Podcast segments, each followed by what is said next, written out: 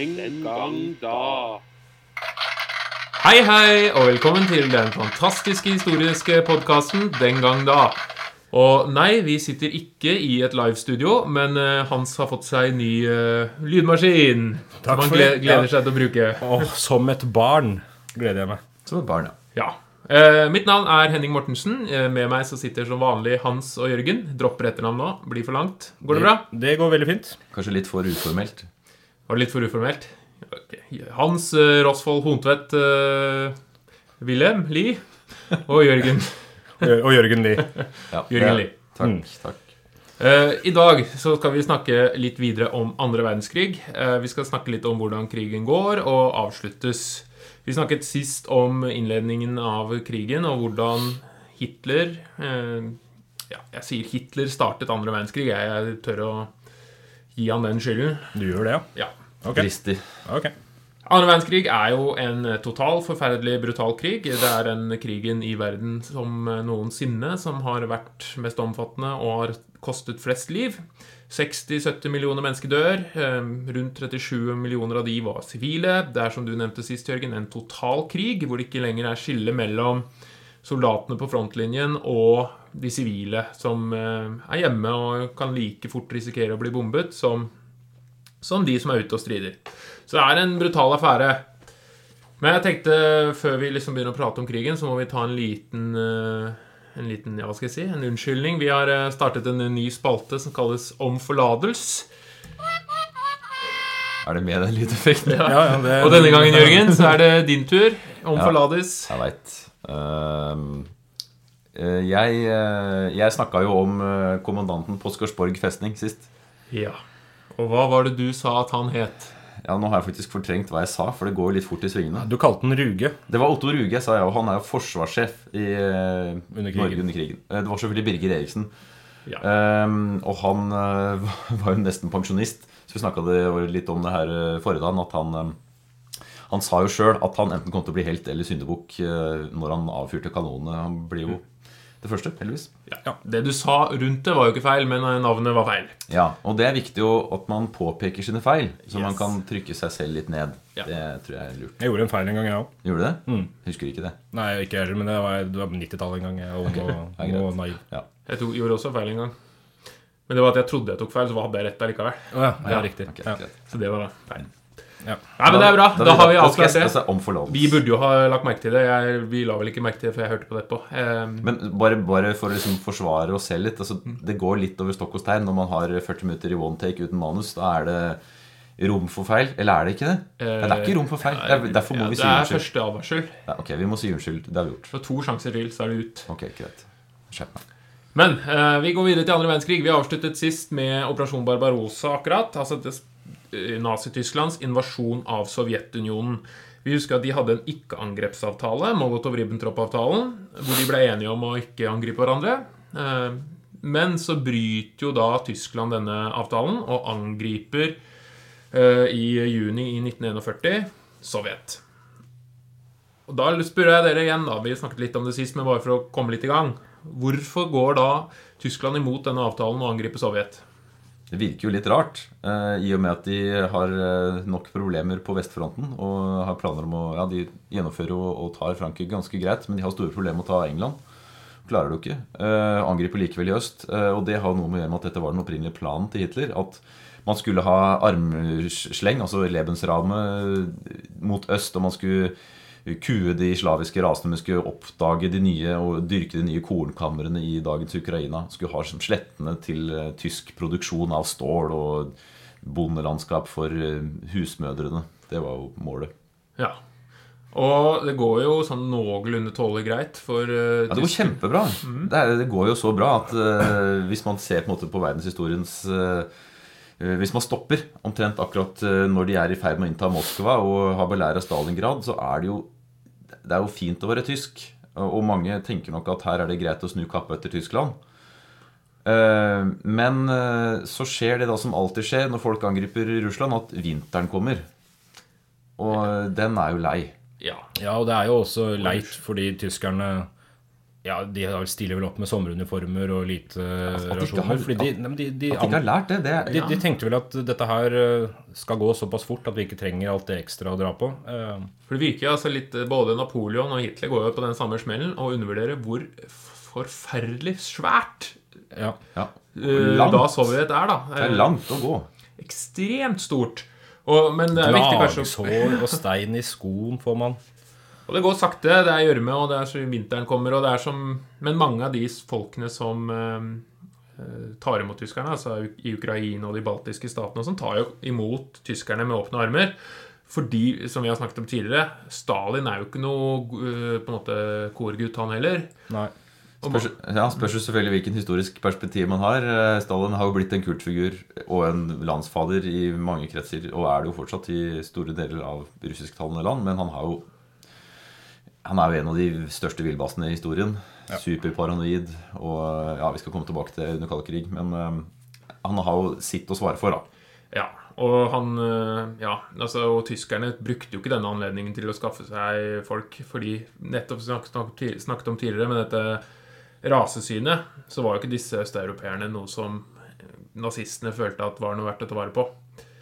Nei. Så de Ja. Men kan jeg bare komme med et menneskelig perspektiv her? Altså, hvis, dere bare, hvis vi ser for oss at Tyskland har vært en krigsmaskin med enorm framgang Klarte riktignok ikke å ta England, men det var ikke, det var ikke de store troppeforflytningene. Det var flyangrep.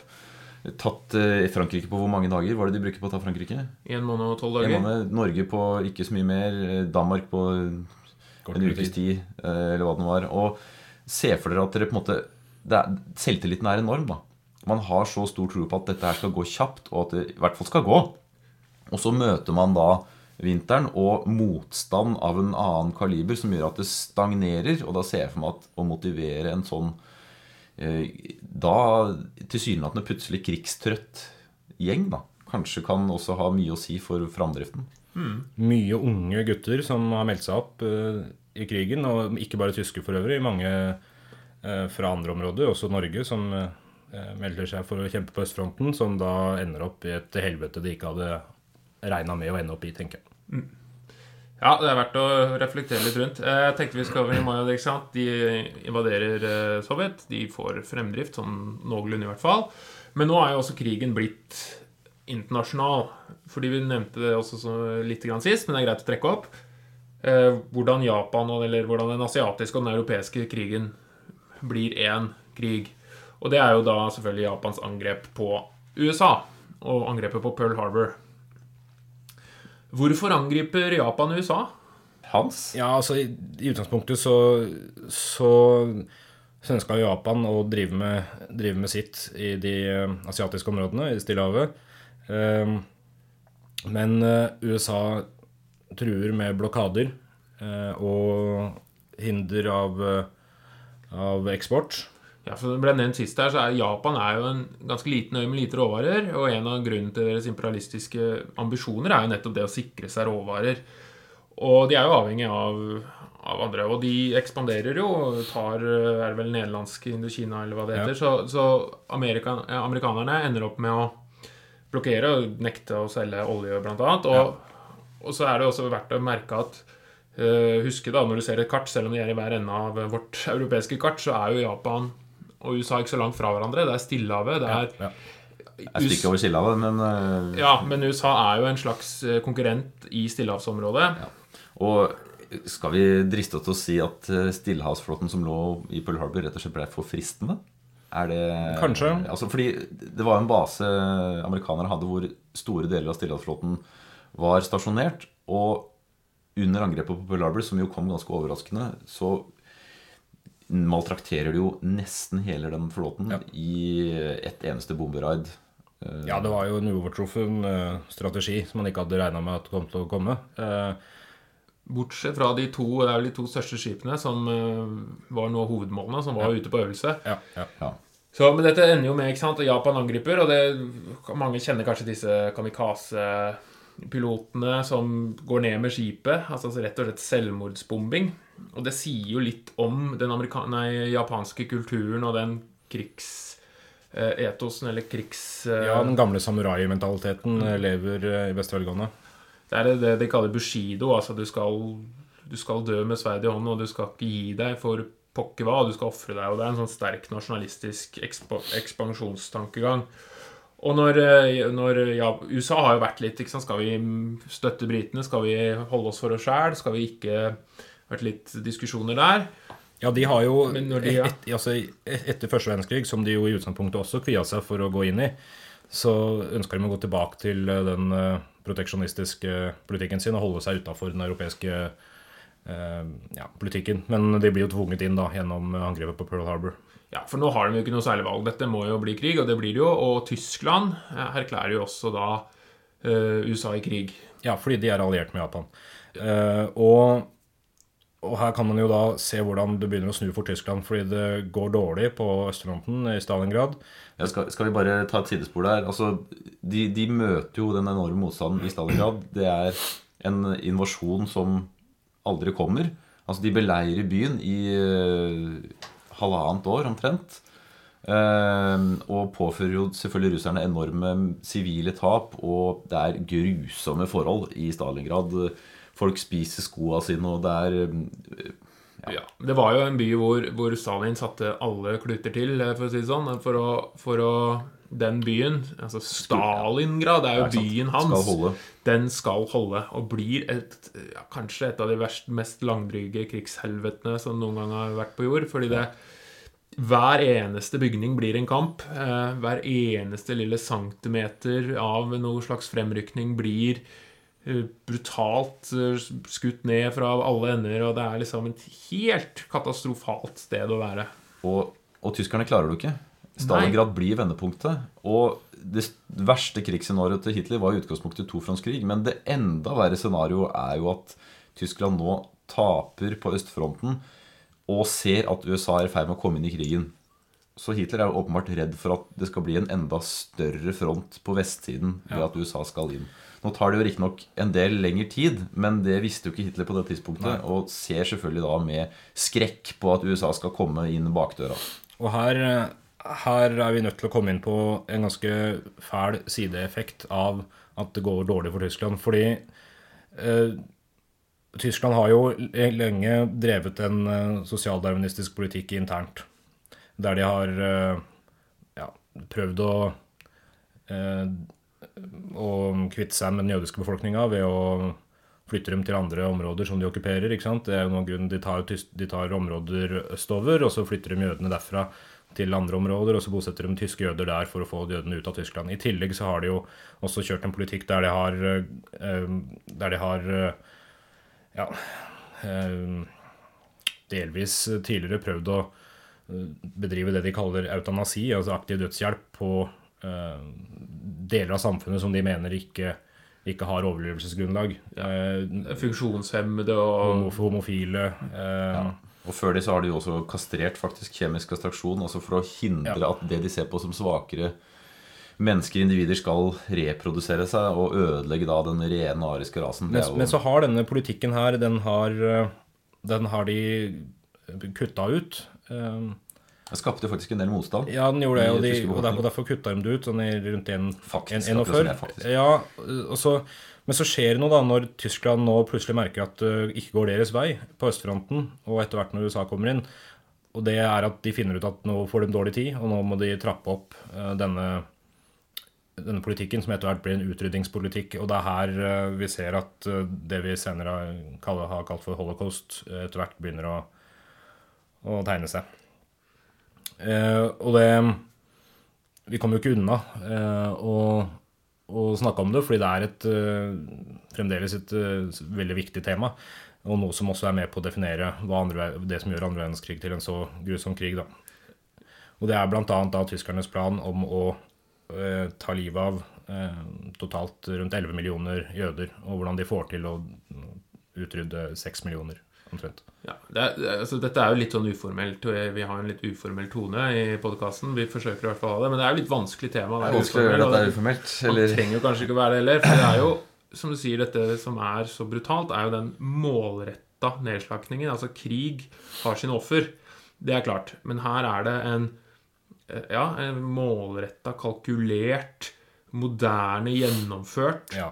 folkemord. Det, det som skjer, er jo at de, de, de finner ut at det, det høres paradoksalt ut, men de finner ut at det er for psykologisk vanskelig for Eller psykisk vanskelig for, for soldatene å drepe Drepe uskyldige kvinner, barn, menn eh, på tradisjonelt vis. Og man finner ut at man rett og slett er nødt til å gjøre dette her industrielt for å kunne gjennomføre det. Ja, det er ikke effektivt nok Det er heller. ikke- det er man, man tenker jo hele tida effektivitet. Det er ikke effektivt nok, og det er psykisk vanskelig for de som må gjennomføre det. Og derfor setter man i gang med, med denne med, med gassutryddelsen da, i de forskjellige leirene som etter hvert da blir til konsentrasjonsleirer, altså dødsleirer, f.eks. Auschwitz og så videre. Det er forska mye på eh, hvordan det kunne la seg gjennomføre. Eh, Og der er, sier en del om ondskapsforskningen altså Hvis vi ser på dette som en ond handling, det er vanskelig å si noe annet, så er det en del forklaringsmodeller som er brukt. Blant annet har Altså det er en, eh, en filosof som heter Hanna Arendt, som, som er mest kjent for kanskje at hun overvar rettssaken til eh, Eichmann i, på, i 1960. Altså en av de eh, Kalt skrivebordsmorderen, altså en av de sentrale personene som gjennomførte og eh, systematiserte holocaust. Han ble fanga av jødiske agenter på 60-tallet og ført for en jødisk domstol og dømt og hengt. Og Hanne Arendt, som sjøl var jøde, hun var der og skrev en avisartikkelserie for var det Times? New York Times. Jeg tror det var Times. Eh, og andre aviser også, hvor hun skulle på en måte forsøke å forklare da, hva er det som gjør at Eichmann klarer å Hva slags menneske er han? Eh, Og så for seg at dette var selvfølgelig en demon som eh, hadde tatt livet av mennesker med liv og lyst, og oppdager jo snarere nei, at han er forstyrrende normal. Og så forsøker hun å finne en sammenheng her. da, ok, Han er normal, men han har gjennomført bestialske ting. Og kommer fram til en slags forklaring på at han har det, er en, altså, det er noen stikkord som er sentralt her. Det er distanse til det han gjør. Han sitter ikke og dreper folk egen, for egen hånd. Han sitter på en måte og deler ut ordre om at de skal drepes på sånn og sånn måte. Eh, og i likhet med det Hans eh, har vært inne på, eutanasiprogrammet, så har man gjennom Tysklands eh, antisemittismeprogram og opptrapping mot krigen hele tiden forsøkt å distansere seg fra jøden som en normalt oppegående person. Altså, Jøden er ikke et menneske lenger. Og når man måtte avnormaliserer mennesker, så er det mye lettere å gjennomføre ting. Altså Hvis du ser på dem ikke som fullverdige mennesker, f.eks. Man, man, man sier gjerne at man fjerner på en måte det menneskelige både fra ofrene og fra de som, de som gjennomfører dette her, ikke sant? ved å gjøre det så industrielt som mulig, for da fjerner du alt av det, det menneskelige preget. Og, det, og Arendt fikk jo en del kritikk for å for å hva skal man si, undergrave alt dette her og for å bagatellisere det. Men sånn jeg ser det og tolker dette her, så, så blir det nesten bare verre av at man, man anerkjenner på en måte den pragmatikken som ligger der. For det sier noe om, om hvor, ja, hva, hva mennesker er i stand til å gjennomføre i et system. da. Du, Og du har Ja, eller det er jo det, det Distansering, som du sier, er, er jo viktig både for han, som sitter på toppen, eh, og, og, og styrer dette her, men det er jo også tenke at hele det systemet, den byråkratiske gjennomføringen, er jo en forutsetning her, fordi det er eh, de som er nede, de som faktisk gjør det, da, de som drar i spaken, for å si det sånn, de følger jo bare ordre. Altså, De kan jo også ansvarsfraskrive seg ved at det er ikke min beslutning. Jeg, om ikke jeg gjør det, så er det noen andre som gjør det. Så det er på en måte en distansering i alle ledd, hvor, hvor eh, man umenneskeliggjør den uh, offeret, og så blir det, eh, blir det på en måte gjennomført gjennom et system. Eh, fordi det er jo ikke altså Klart det var sadister på, som var fangevoktere på disse leirene, men, men, men det er jo så mange at alle disse kan ikke være sadister, og det må være en, altså en normalisert eh, brutalitet da, som, som er satt i system. Og systemet er sin egen forklaring, uh, uten at man skal ansvarsfraskrive noe. Ja, Det er faren, selvfølgelig. At Det det. man eh, fraskriver Eichmann eller alle de som var der før. Nei, det, dere var bare fanget i et system. Og det, det opprettholder jo Nürnberg-prosessen, altså rettsoppgjøret etter krigen, at man har ansvar for egne handlinger. Og det, og det skal også sies da at både Eichmann og f.eks. Heidrich, som er en annen som er med på å planlegge dette, dette her, de, de er jo en del av det som, som man kaller for Wannsee-konferansen i 1942, der man etablerer hvordan man skal gjennomføre masseutryddelsene. Um, og, og, og man kan si at de er en del av et system, men samtidig så er det nettopp de som er med på å lage systemet. Uh, og da og da blir jo ansvarsfraskrivelsen enda, enda mer, mer vanskelig. et annet forskningsprosjekt som er blitt gjort for, å- for å forklare hvorfor vanlige folk gjør disse handlingene, er dette Mil- Milgram-eksperimentet, hvor de hvor de tester autoritetstro hos vanlige mennesker ved å, ved å på en måte sette eh, en som er læreren, får beskjed at du er lærer, og så får de en annen som er elev på en annen side av en glassrute. Og hvor eleven da er en skuespiller, men de vet jo ikke den som får beskjed, den som egentlig er det egentlige forskningssubjektet, som er da den som får beskjed at han er lærer. Og så får den læreren da beskjed om å stille et par spørsmål, og for hver gang eh, eleven, da, som da er en skuespiller, svarer feil, så skal den gi den støt. Og da er det en økende grad, ikke sant, økende volt eller watt, eller jeg er ikke så god på akkurat det greiene der, men uansett, at det er en økende smerte, smerte da. Og, og se hvordan disse forskningssubjektene øker smertepåføring gradvis, fordi da altså det står en eller annen med hvit frakk og, og clipboard og gir disse kommandoene og sier at nei, men du må gjøre det, det er en del av eksperimentet og sånne ting. Eh, Det er et ganske omstridt prosjekt sånn rent etisk, men det, oss, det gir oss en liten indikasjon på det å være autoritetstro, gjøre som du blir fortalt. Altså du påfører andre smerte, noe du i utgangspunktet ikke vil gjøre, men du gjør det fordi det er satt i et system, og du får beskjed om at det er greit. Så moralen er ikke gjør, ikke gjør som mora di sier. Nei. Men ikke sånn, nei, Tenk sjæl. Ja, og mye av, av det flotte eksempelet du kom med, Henning og mye, Hvis jeg husker rett, så, var jo, så fikk jo også denne læreren beskjed om at det er en dødelig grense her. La oss si den er på 100. Som man vet. Men så sier denne autoritetspersonen nei, men kjør på. Ja. Dette går bra. Ta 120. Og så gjør de aller fleste De trykker på knappen selv om de vet De har fått beskjed om at han kommer til å daue hvis du trykker. Jeg trykker likevel. Ja, fordi man får beskjed. Ja. Og det er det som er litt av kanskje mekanismen bak holocaust. Eh, Men det er som det vi Altså, Det kan forklares, men det kan ikke forsvares. Altså, Nei, det er to skal, eh, ja, forskjellige ting. Godt poeng, godt poeng. Men det, det, det skal også sies det at, eh, at maskineriet her krever at det er en hel del folk som, som gjør en jobb som også eventuelt ikke bare er underlagt en autoritet og en, en ordre. F.eks. de som jobber som ingeniører og lager, lager det rent praktiske utførelsen her. Um, IG Farben. ja, altså de som Farben Industri, var ikke det som ja. Eh, er det Topp von Zøne som lager, lagde ovnene eh, i Auschwitz. Eh, og de, og de Det har blitt hevda at de ikke egentlig var nazister. De, de, de, de gjorde en jobb, på en måte. Og fikk fylte en bestilling. Fikk, fylte en bestilling. Det er vanskelig skille det her. Vi Altså. visste hva de gjorde, men likevel gjorde det. Og det, det er så vanskelig å, å på en måte komme fram til noe som helst her. Men, men det, det som er interessant å tenke på også rundt dette her, er jo at rapporter om det som foregår, det, det kommer etter hvert fram til, uh, til resten av verden. Uh, mot slutten av krigen, om hva det er som foregår. Uh, Altså, Britene får, uh, eh, får eh, etterretning om dette her. Det samme gjør eh, amerikanerne. Og så kan man altså spørre seg hvorfor de ikke gjør noe. Og det er en, det er en historiker som har forklart dette her eh, på en måte som høres fabelaktig kynisk ut. Og det er at viljen til å gjennomføre utryddelsene var større fra tyskernes side enn det viljen til å hindre det var fra, fra de allierte side. Eh, og det kan forklares med at ja, man kan på den ene sida si at kanskje de ikke trodde alt det de hørte. På den andre side så kan man også si at, at de var nødt til å nedkjempe Tyskland på alle mulige fronter og var allerede i en krig som de var nødt til å fokusere på. Og det er vanskelig da å, å trekke styrker og ressurser ut fra den generelle krigføringa for å gå inn og, og prøve å hindre noe du tror eh, kanskje foregår. Ja. Men vi må gå litt videre i krigen, fordi eh, holocaust er jo en, eh, en kjensgjerning. eh, Men krigen, som vi innledet med i stad, gikk jo bra for tyskerne til å begynne med. Så kommer Stalingrad som et sånt tydelig vendepunkt. Hvor tyskerne eh, begynner å måtte trekke seg mer tilbake. Og etter hvert da strategisk tilbaketrekning og, og liksom komme seg tilbake der. Og så Og dette er på østfronten. Men så skjer det også noe på vestfronten. D-dagen. Det blir jo opprettet en, eh, en vestfront. Ja, en motfront. Og eh, russerne og Stalin hadde jo venta på det lenge. De har jo kritisert vestlige samfunn i, eh, i bøtter og spann for at de venta for lenge. Ja, fordi de- dette er jo ikke før i 1944. 44, At de, måte, de lar russerne eller sovjetene ta liksom den store støyten og mm, kamp mot Tyskland osv. Men eh, det er en annen sak. De, USA kom jo med i krigen gjennom D-dagen. eh, Den største landgangen i menneskehistorien.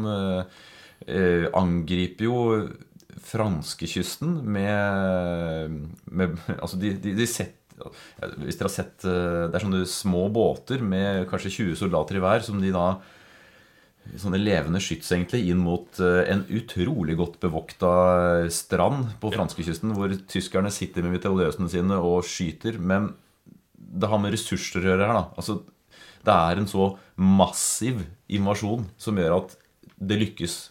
Og Da må jo alle lyttere, om dere ikke har gjort det, se Saving Power Ryan. Eh, hvor den er jo ganske flott eh, filmatisert, akkurat denne langgangen. Ja, helt grusomt, selvfølgelig, å Ja. være der. Eh, Vanskelig å sette seg inn i.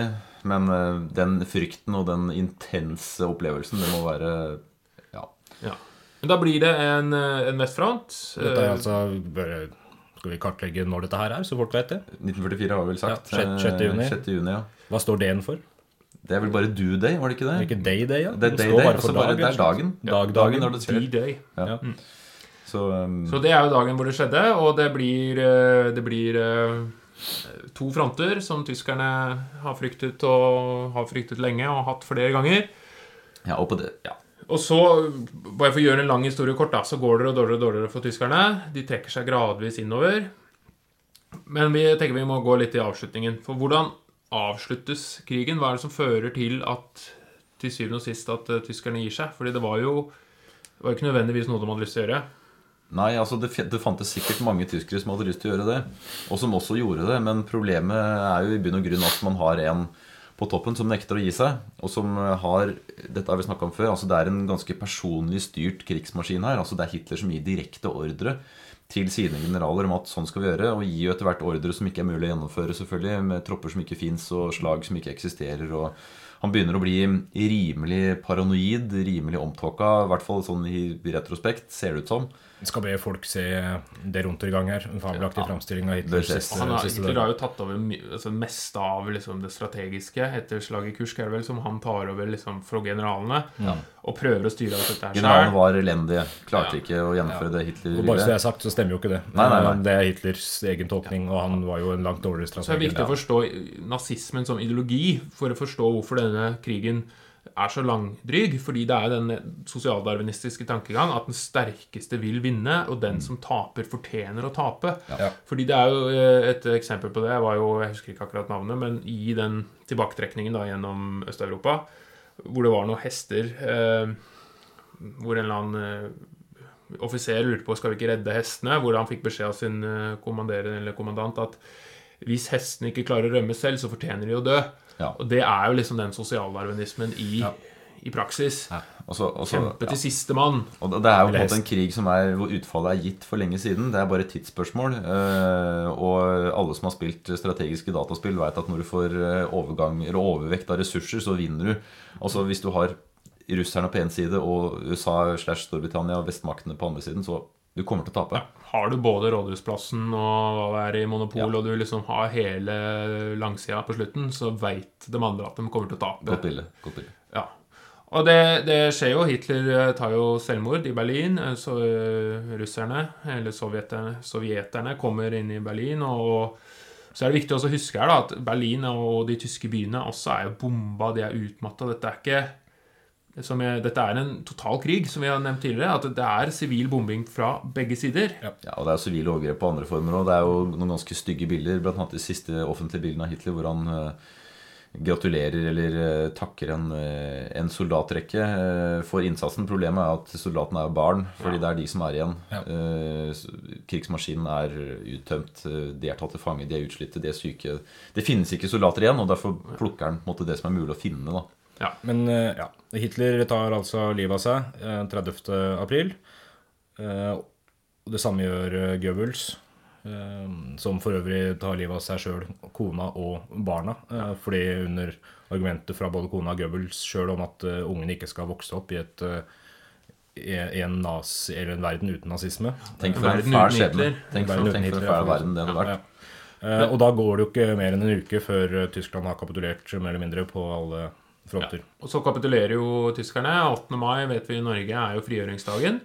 Eh, til stor glede og jubel, selvfølgelig, for de okkuperte landene, og sikkert for mange tyskere òg. Det er jo den klassiske setningen at 'bedre med en russer på magen enn eh, en amerikaner over hodet'. Eh, altså hvordan en tysk kvinne beskriver det å Altså, det var jo massevoldtekt av tyske kvinner i Berlin og andre steder, men at det var bedre det enn å ha den konstante bombarderingen fra de allierte styrkene. Ja. Men, men uansett, krigen i Europa er så sett over. Men krigen er ikke over ennå. Nei, for du har en annen, et annet land også som tenker på akkurat samme måte. Kjempe til siste mann. Og i et enda vanskeligere strategisk område, Stillehavsøyer, Japan selvfølgelig, eh, hvor, hvor amerikanere må jo gjøre landganger på hver eneste lille holme for Ja. å ta knekken på fienden sin. Og, og vi, man snakker kanskje ikke så mye om det alltid når det gjelder andre verdenskrig, i hvert fall ikke her i, i Norden, eh, Norge. Og det, det er jo det at stillehavskrigene sånn rent eh, ja, praktisk og på mange måter er eh, langt grusommere enn eh, enn mye av eh, krigføringen andre steder. eh, Med hva slags type våpen man bruker, hvor hensynsløsheten fra japanernes side osv. Og, og, og, det blir- og det blir harde kamper for å slå, for å slå Japan. Ja. Det er jo den Bushido-tankegangen som jeg nevnte i stad. Altså den derre krigs... eh, eh, ja, er det vel. Altså det at man skal kjempe til sistemann. Å gi seg er det verste du kan gjøre. Så de japanerne også har behandlet jo krigsfanger som ikke-mennesker nettopp fordi de hadde gitt seg. De hadde ikke ofret livet sitt i sin kamp, så man anså dem ikke som eh, mennesker i det hele tatt. Men uh, hva, vi vet jo det, altså det er jo atombombingen, da. Uh, Det redder vi fram til, selvfølgelig. Eh, 6. og 9. august uh, så bombes henholdsvis Hiroshima og Nagasaki. Um, og det er jo et av de mest kontroversielle øyeblikkene i verdenshistorien. Det er det vel ikke å ta i. Ja, fordi dette er, ikke, dette er ikke militære mål, dette er sivile byer. Bombing av er sivile byer, byer. ja, og det, det er verdt å spørre seg om det er nødvendig å gjøre det eh, for, å, for å vinne. Det vil nok menneskeheten spørre seg til eh, vi stuper. Og argumentet til amerikanere er jo nettopp det at ok, her kan vi korte ned krigen med jeg vet ikke hvor mange måneder de regna med, og et, et slags kynisk regnestykke der på hvor mange menneskeliv går tapt, og ikke minst hvor mange amerikanere går tapt, kontra japanere. Drepe noen for å redde mange er jo Klassisk utilitarisme. Altså mest lykke for flest mulig. Og det er amerikanere som selvfølgelig er viktigst i det regnestykket. Ja. Og det, det ender jo med det, altså om det er verdt å gjøre, eller er jo et uh, stort og viktig spørsmål. Eller om det i det hele tatt var nødvendig. Men det ender jo med da at Japan føler at de kan overgi seg med en slags ærebehold, fordi ja. de nå ser den totale overlegenheten i denne nye våpenteknologien. Og de, Og- ja. Og hvilke konsekvenser den nye våpenteknologien, altså atombomben, hvordan man får et så altomfattende uh, destruktivt våpen, det blir jo over til kalde krigen, og det blir viktig der, så det kan vi prate mer om da. Ja. Men det er eh, altså De overser seg da i august. eh, Og det er eh, Og det er, det er noe av det verste man har sett av krigføring. Det, det topper seg på en måte. Det er, det er, det litt Det er interessant å tenke på hvordan, hvordan slutten av krigen på, måte, kan, på et eller annet vis markerer en av, en av veldig mange toppunkt i brutalitet da, fra alle sider. Men så må jeg da bare Siste tema jeg tenker vi må prate om. Fordi vi vet jo første verdenskrig legger jo grunnlaget for andre verdenskrig. Men eh, tredje verdenskrig er jo enda ikke kommet, og det er ganske utenkelig at eh, Frankrike og Tyskland går i krig i dag. For hva er det som Hva vil dere si er som virkningene? Hva fører krigen til? Åssen er krigsoppgjøret? Hva Det er jo, det er jo et helt annet oppgjør.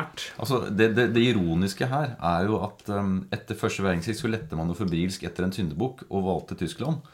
I andre verdenskrig så er det jo vel mer åpenbart hvem som er den store syndebukken, men likevel så legger man seg på en helt annen linje, og nettopp pga. erfaringene at man ikke skal kjøre et land i senk og knekke det fullstendig, fordi ja, mange mente jo det var en dårlig løsning. Det var jo eh, de som mente at her burde man gjøre det også. Frankrike snakka høyt bl.a. om at eh, Tyskland helst skulle holdes nede. Ja, og det ble jo delt, det må jo sies. Det ble delt, men det er jo rettsoppgjøret, Nürnberg-prosessene, som er eh, nytt. da, Og det er, som vi også foregrep litt, at her stilles hver enkelt mann til ansvar for det han har gjort, mer enn maskineriet.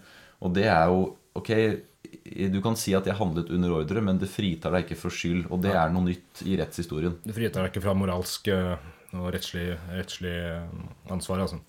Og Men, men det betyr jo ikke at det, altså, det er jo ikke, det er ikke et, det er et rettsoppgjør som ikke kan ha gode utfall, selvfølgelig. Det er jo en, en vanskelig konflikt. Eh, og du, du sier det, Henning. Det blir jo, Tyskland blir jo delt i eh, først en eh, vestlig sone, eh, samarbeidssone, og en russisk sone, som senere blir Vest- og Øst-Tyskland. Ja. Og rettsoppgjøret, det altså, vi, kan Kanskje vi kan trekke trådene litt til Norge her for å få inn, for å få inn det også. For det er jo et rettsoppgjør i Norge også, der bl.a. Vidkun Quisling eh, henrettes.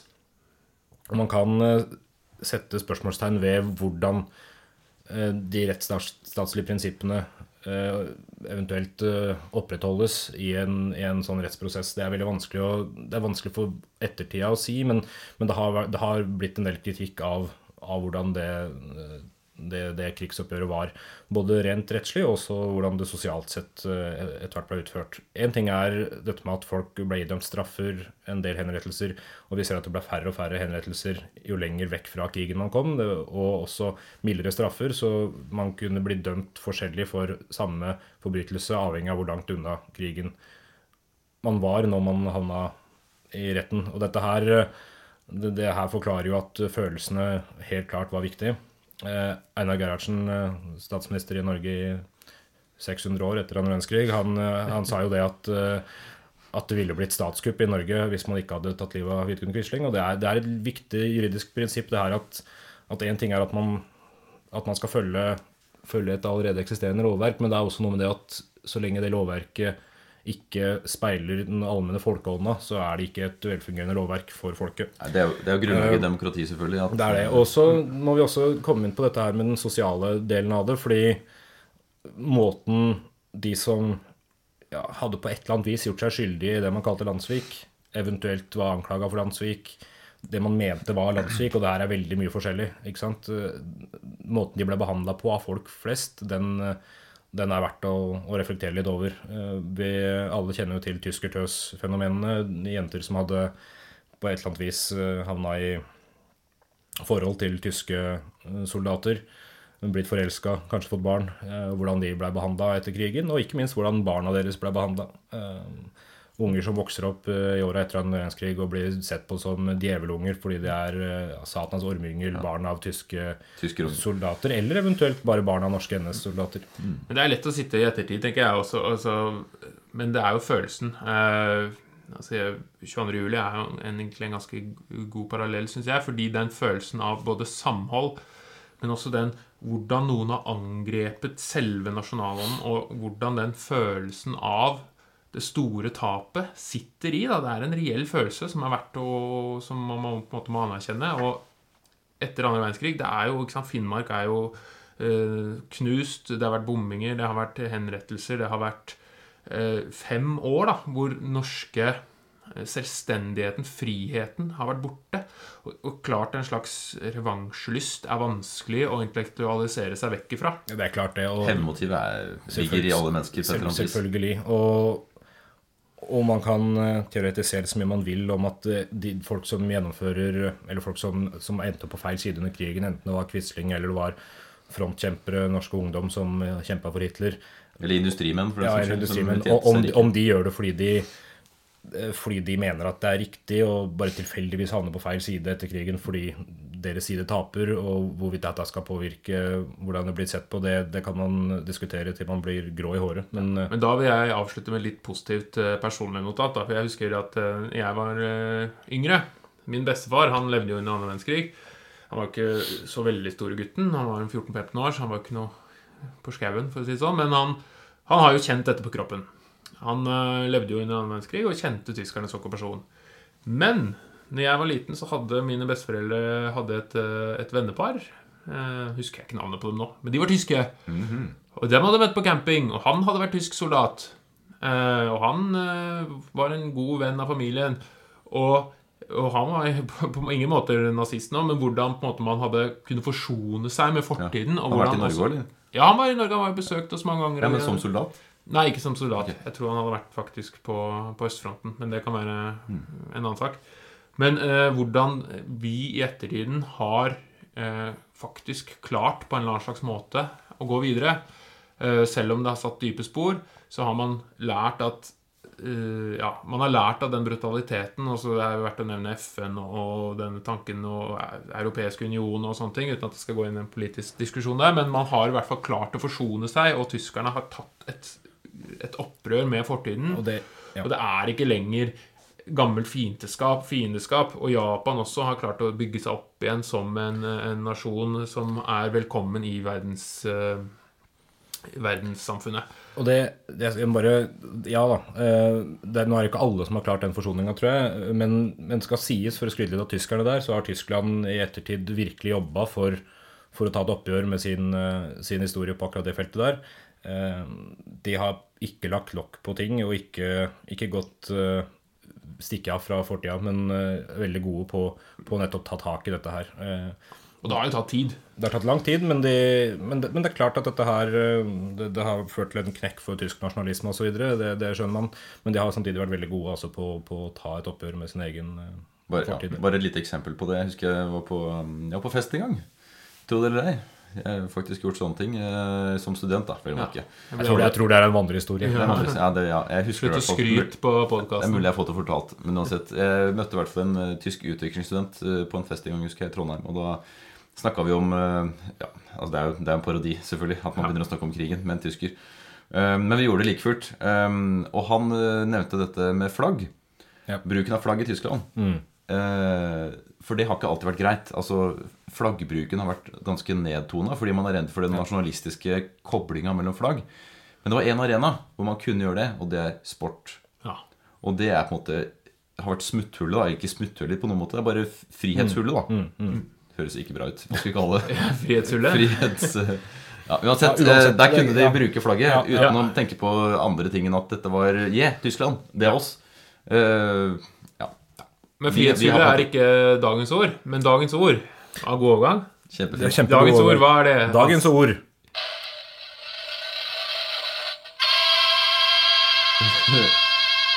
Dagens ord, det er Og nå skal jeg prøve å uttale dette her riktig. Murmichesich. Murmichesich. Det er et afrikansk ord, altså fra Sør-Afrika.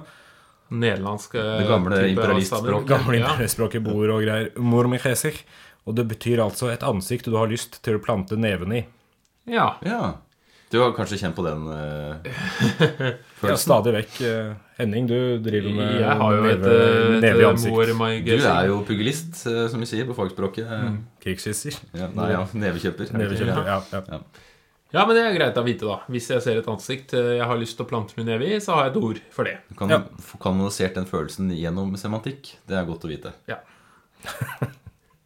Men da tror jeg vi avslutter for i dag. Eh, Vi lar andre verdenskrig eh, ligge, men vi fortsetter eh, neste gang, håpeligvis ikke så altfor lenge, alt for lenge, om den kalde krigen. Fordi det er jo ikke sånn at det er fryd og gammen og, og evig lykke etter annen verdenskrig. Ja, Det er jo litt fryd og gammen en stund. da. Det blir jo, vi får jo FN og Nato og kjempegode greier. Må du motarbeide meg på alle Ja, men, så, Ja, men det ja, skal, ja. skal diskuteres. som vi skal se, så blir også FN og Nato en del av en ny stor konflikt. da. Heldigvis. Ja, Ja. Takk for nå. Takk for Har du en lydeffekt vi kan gå ut på, eller? Ja, da fader. Uh, skal vi se Uh.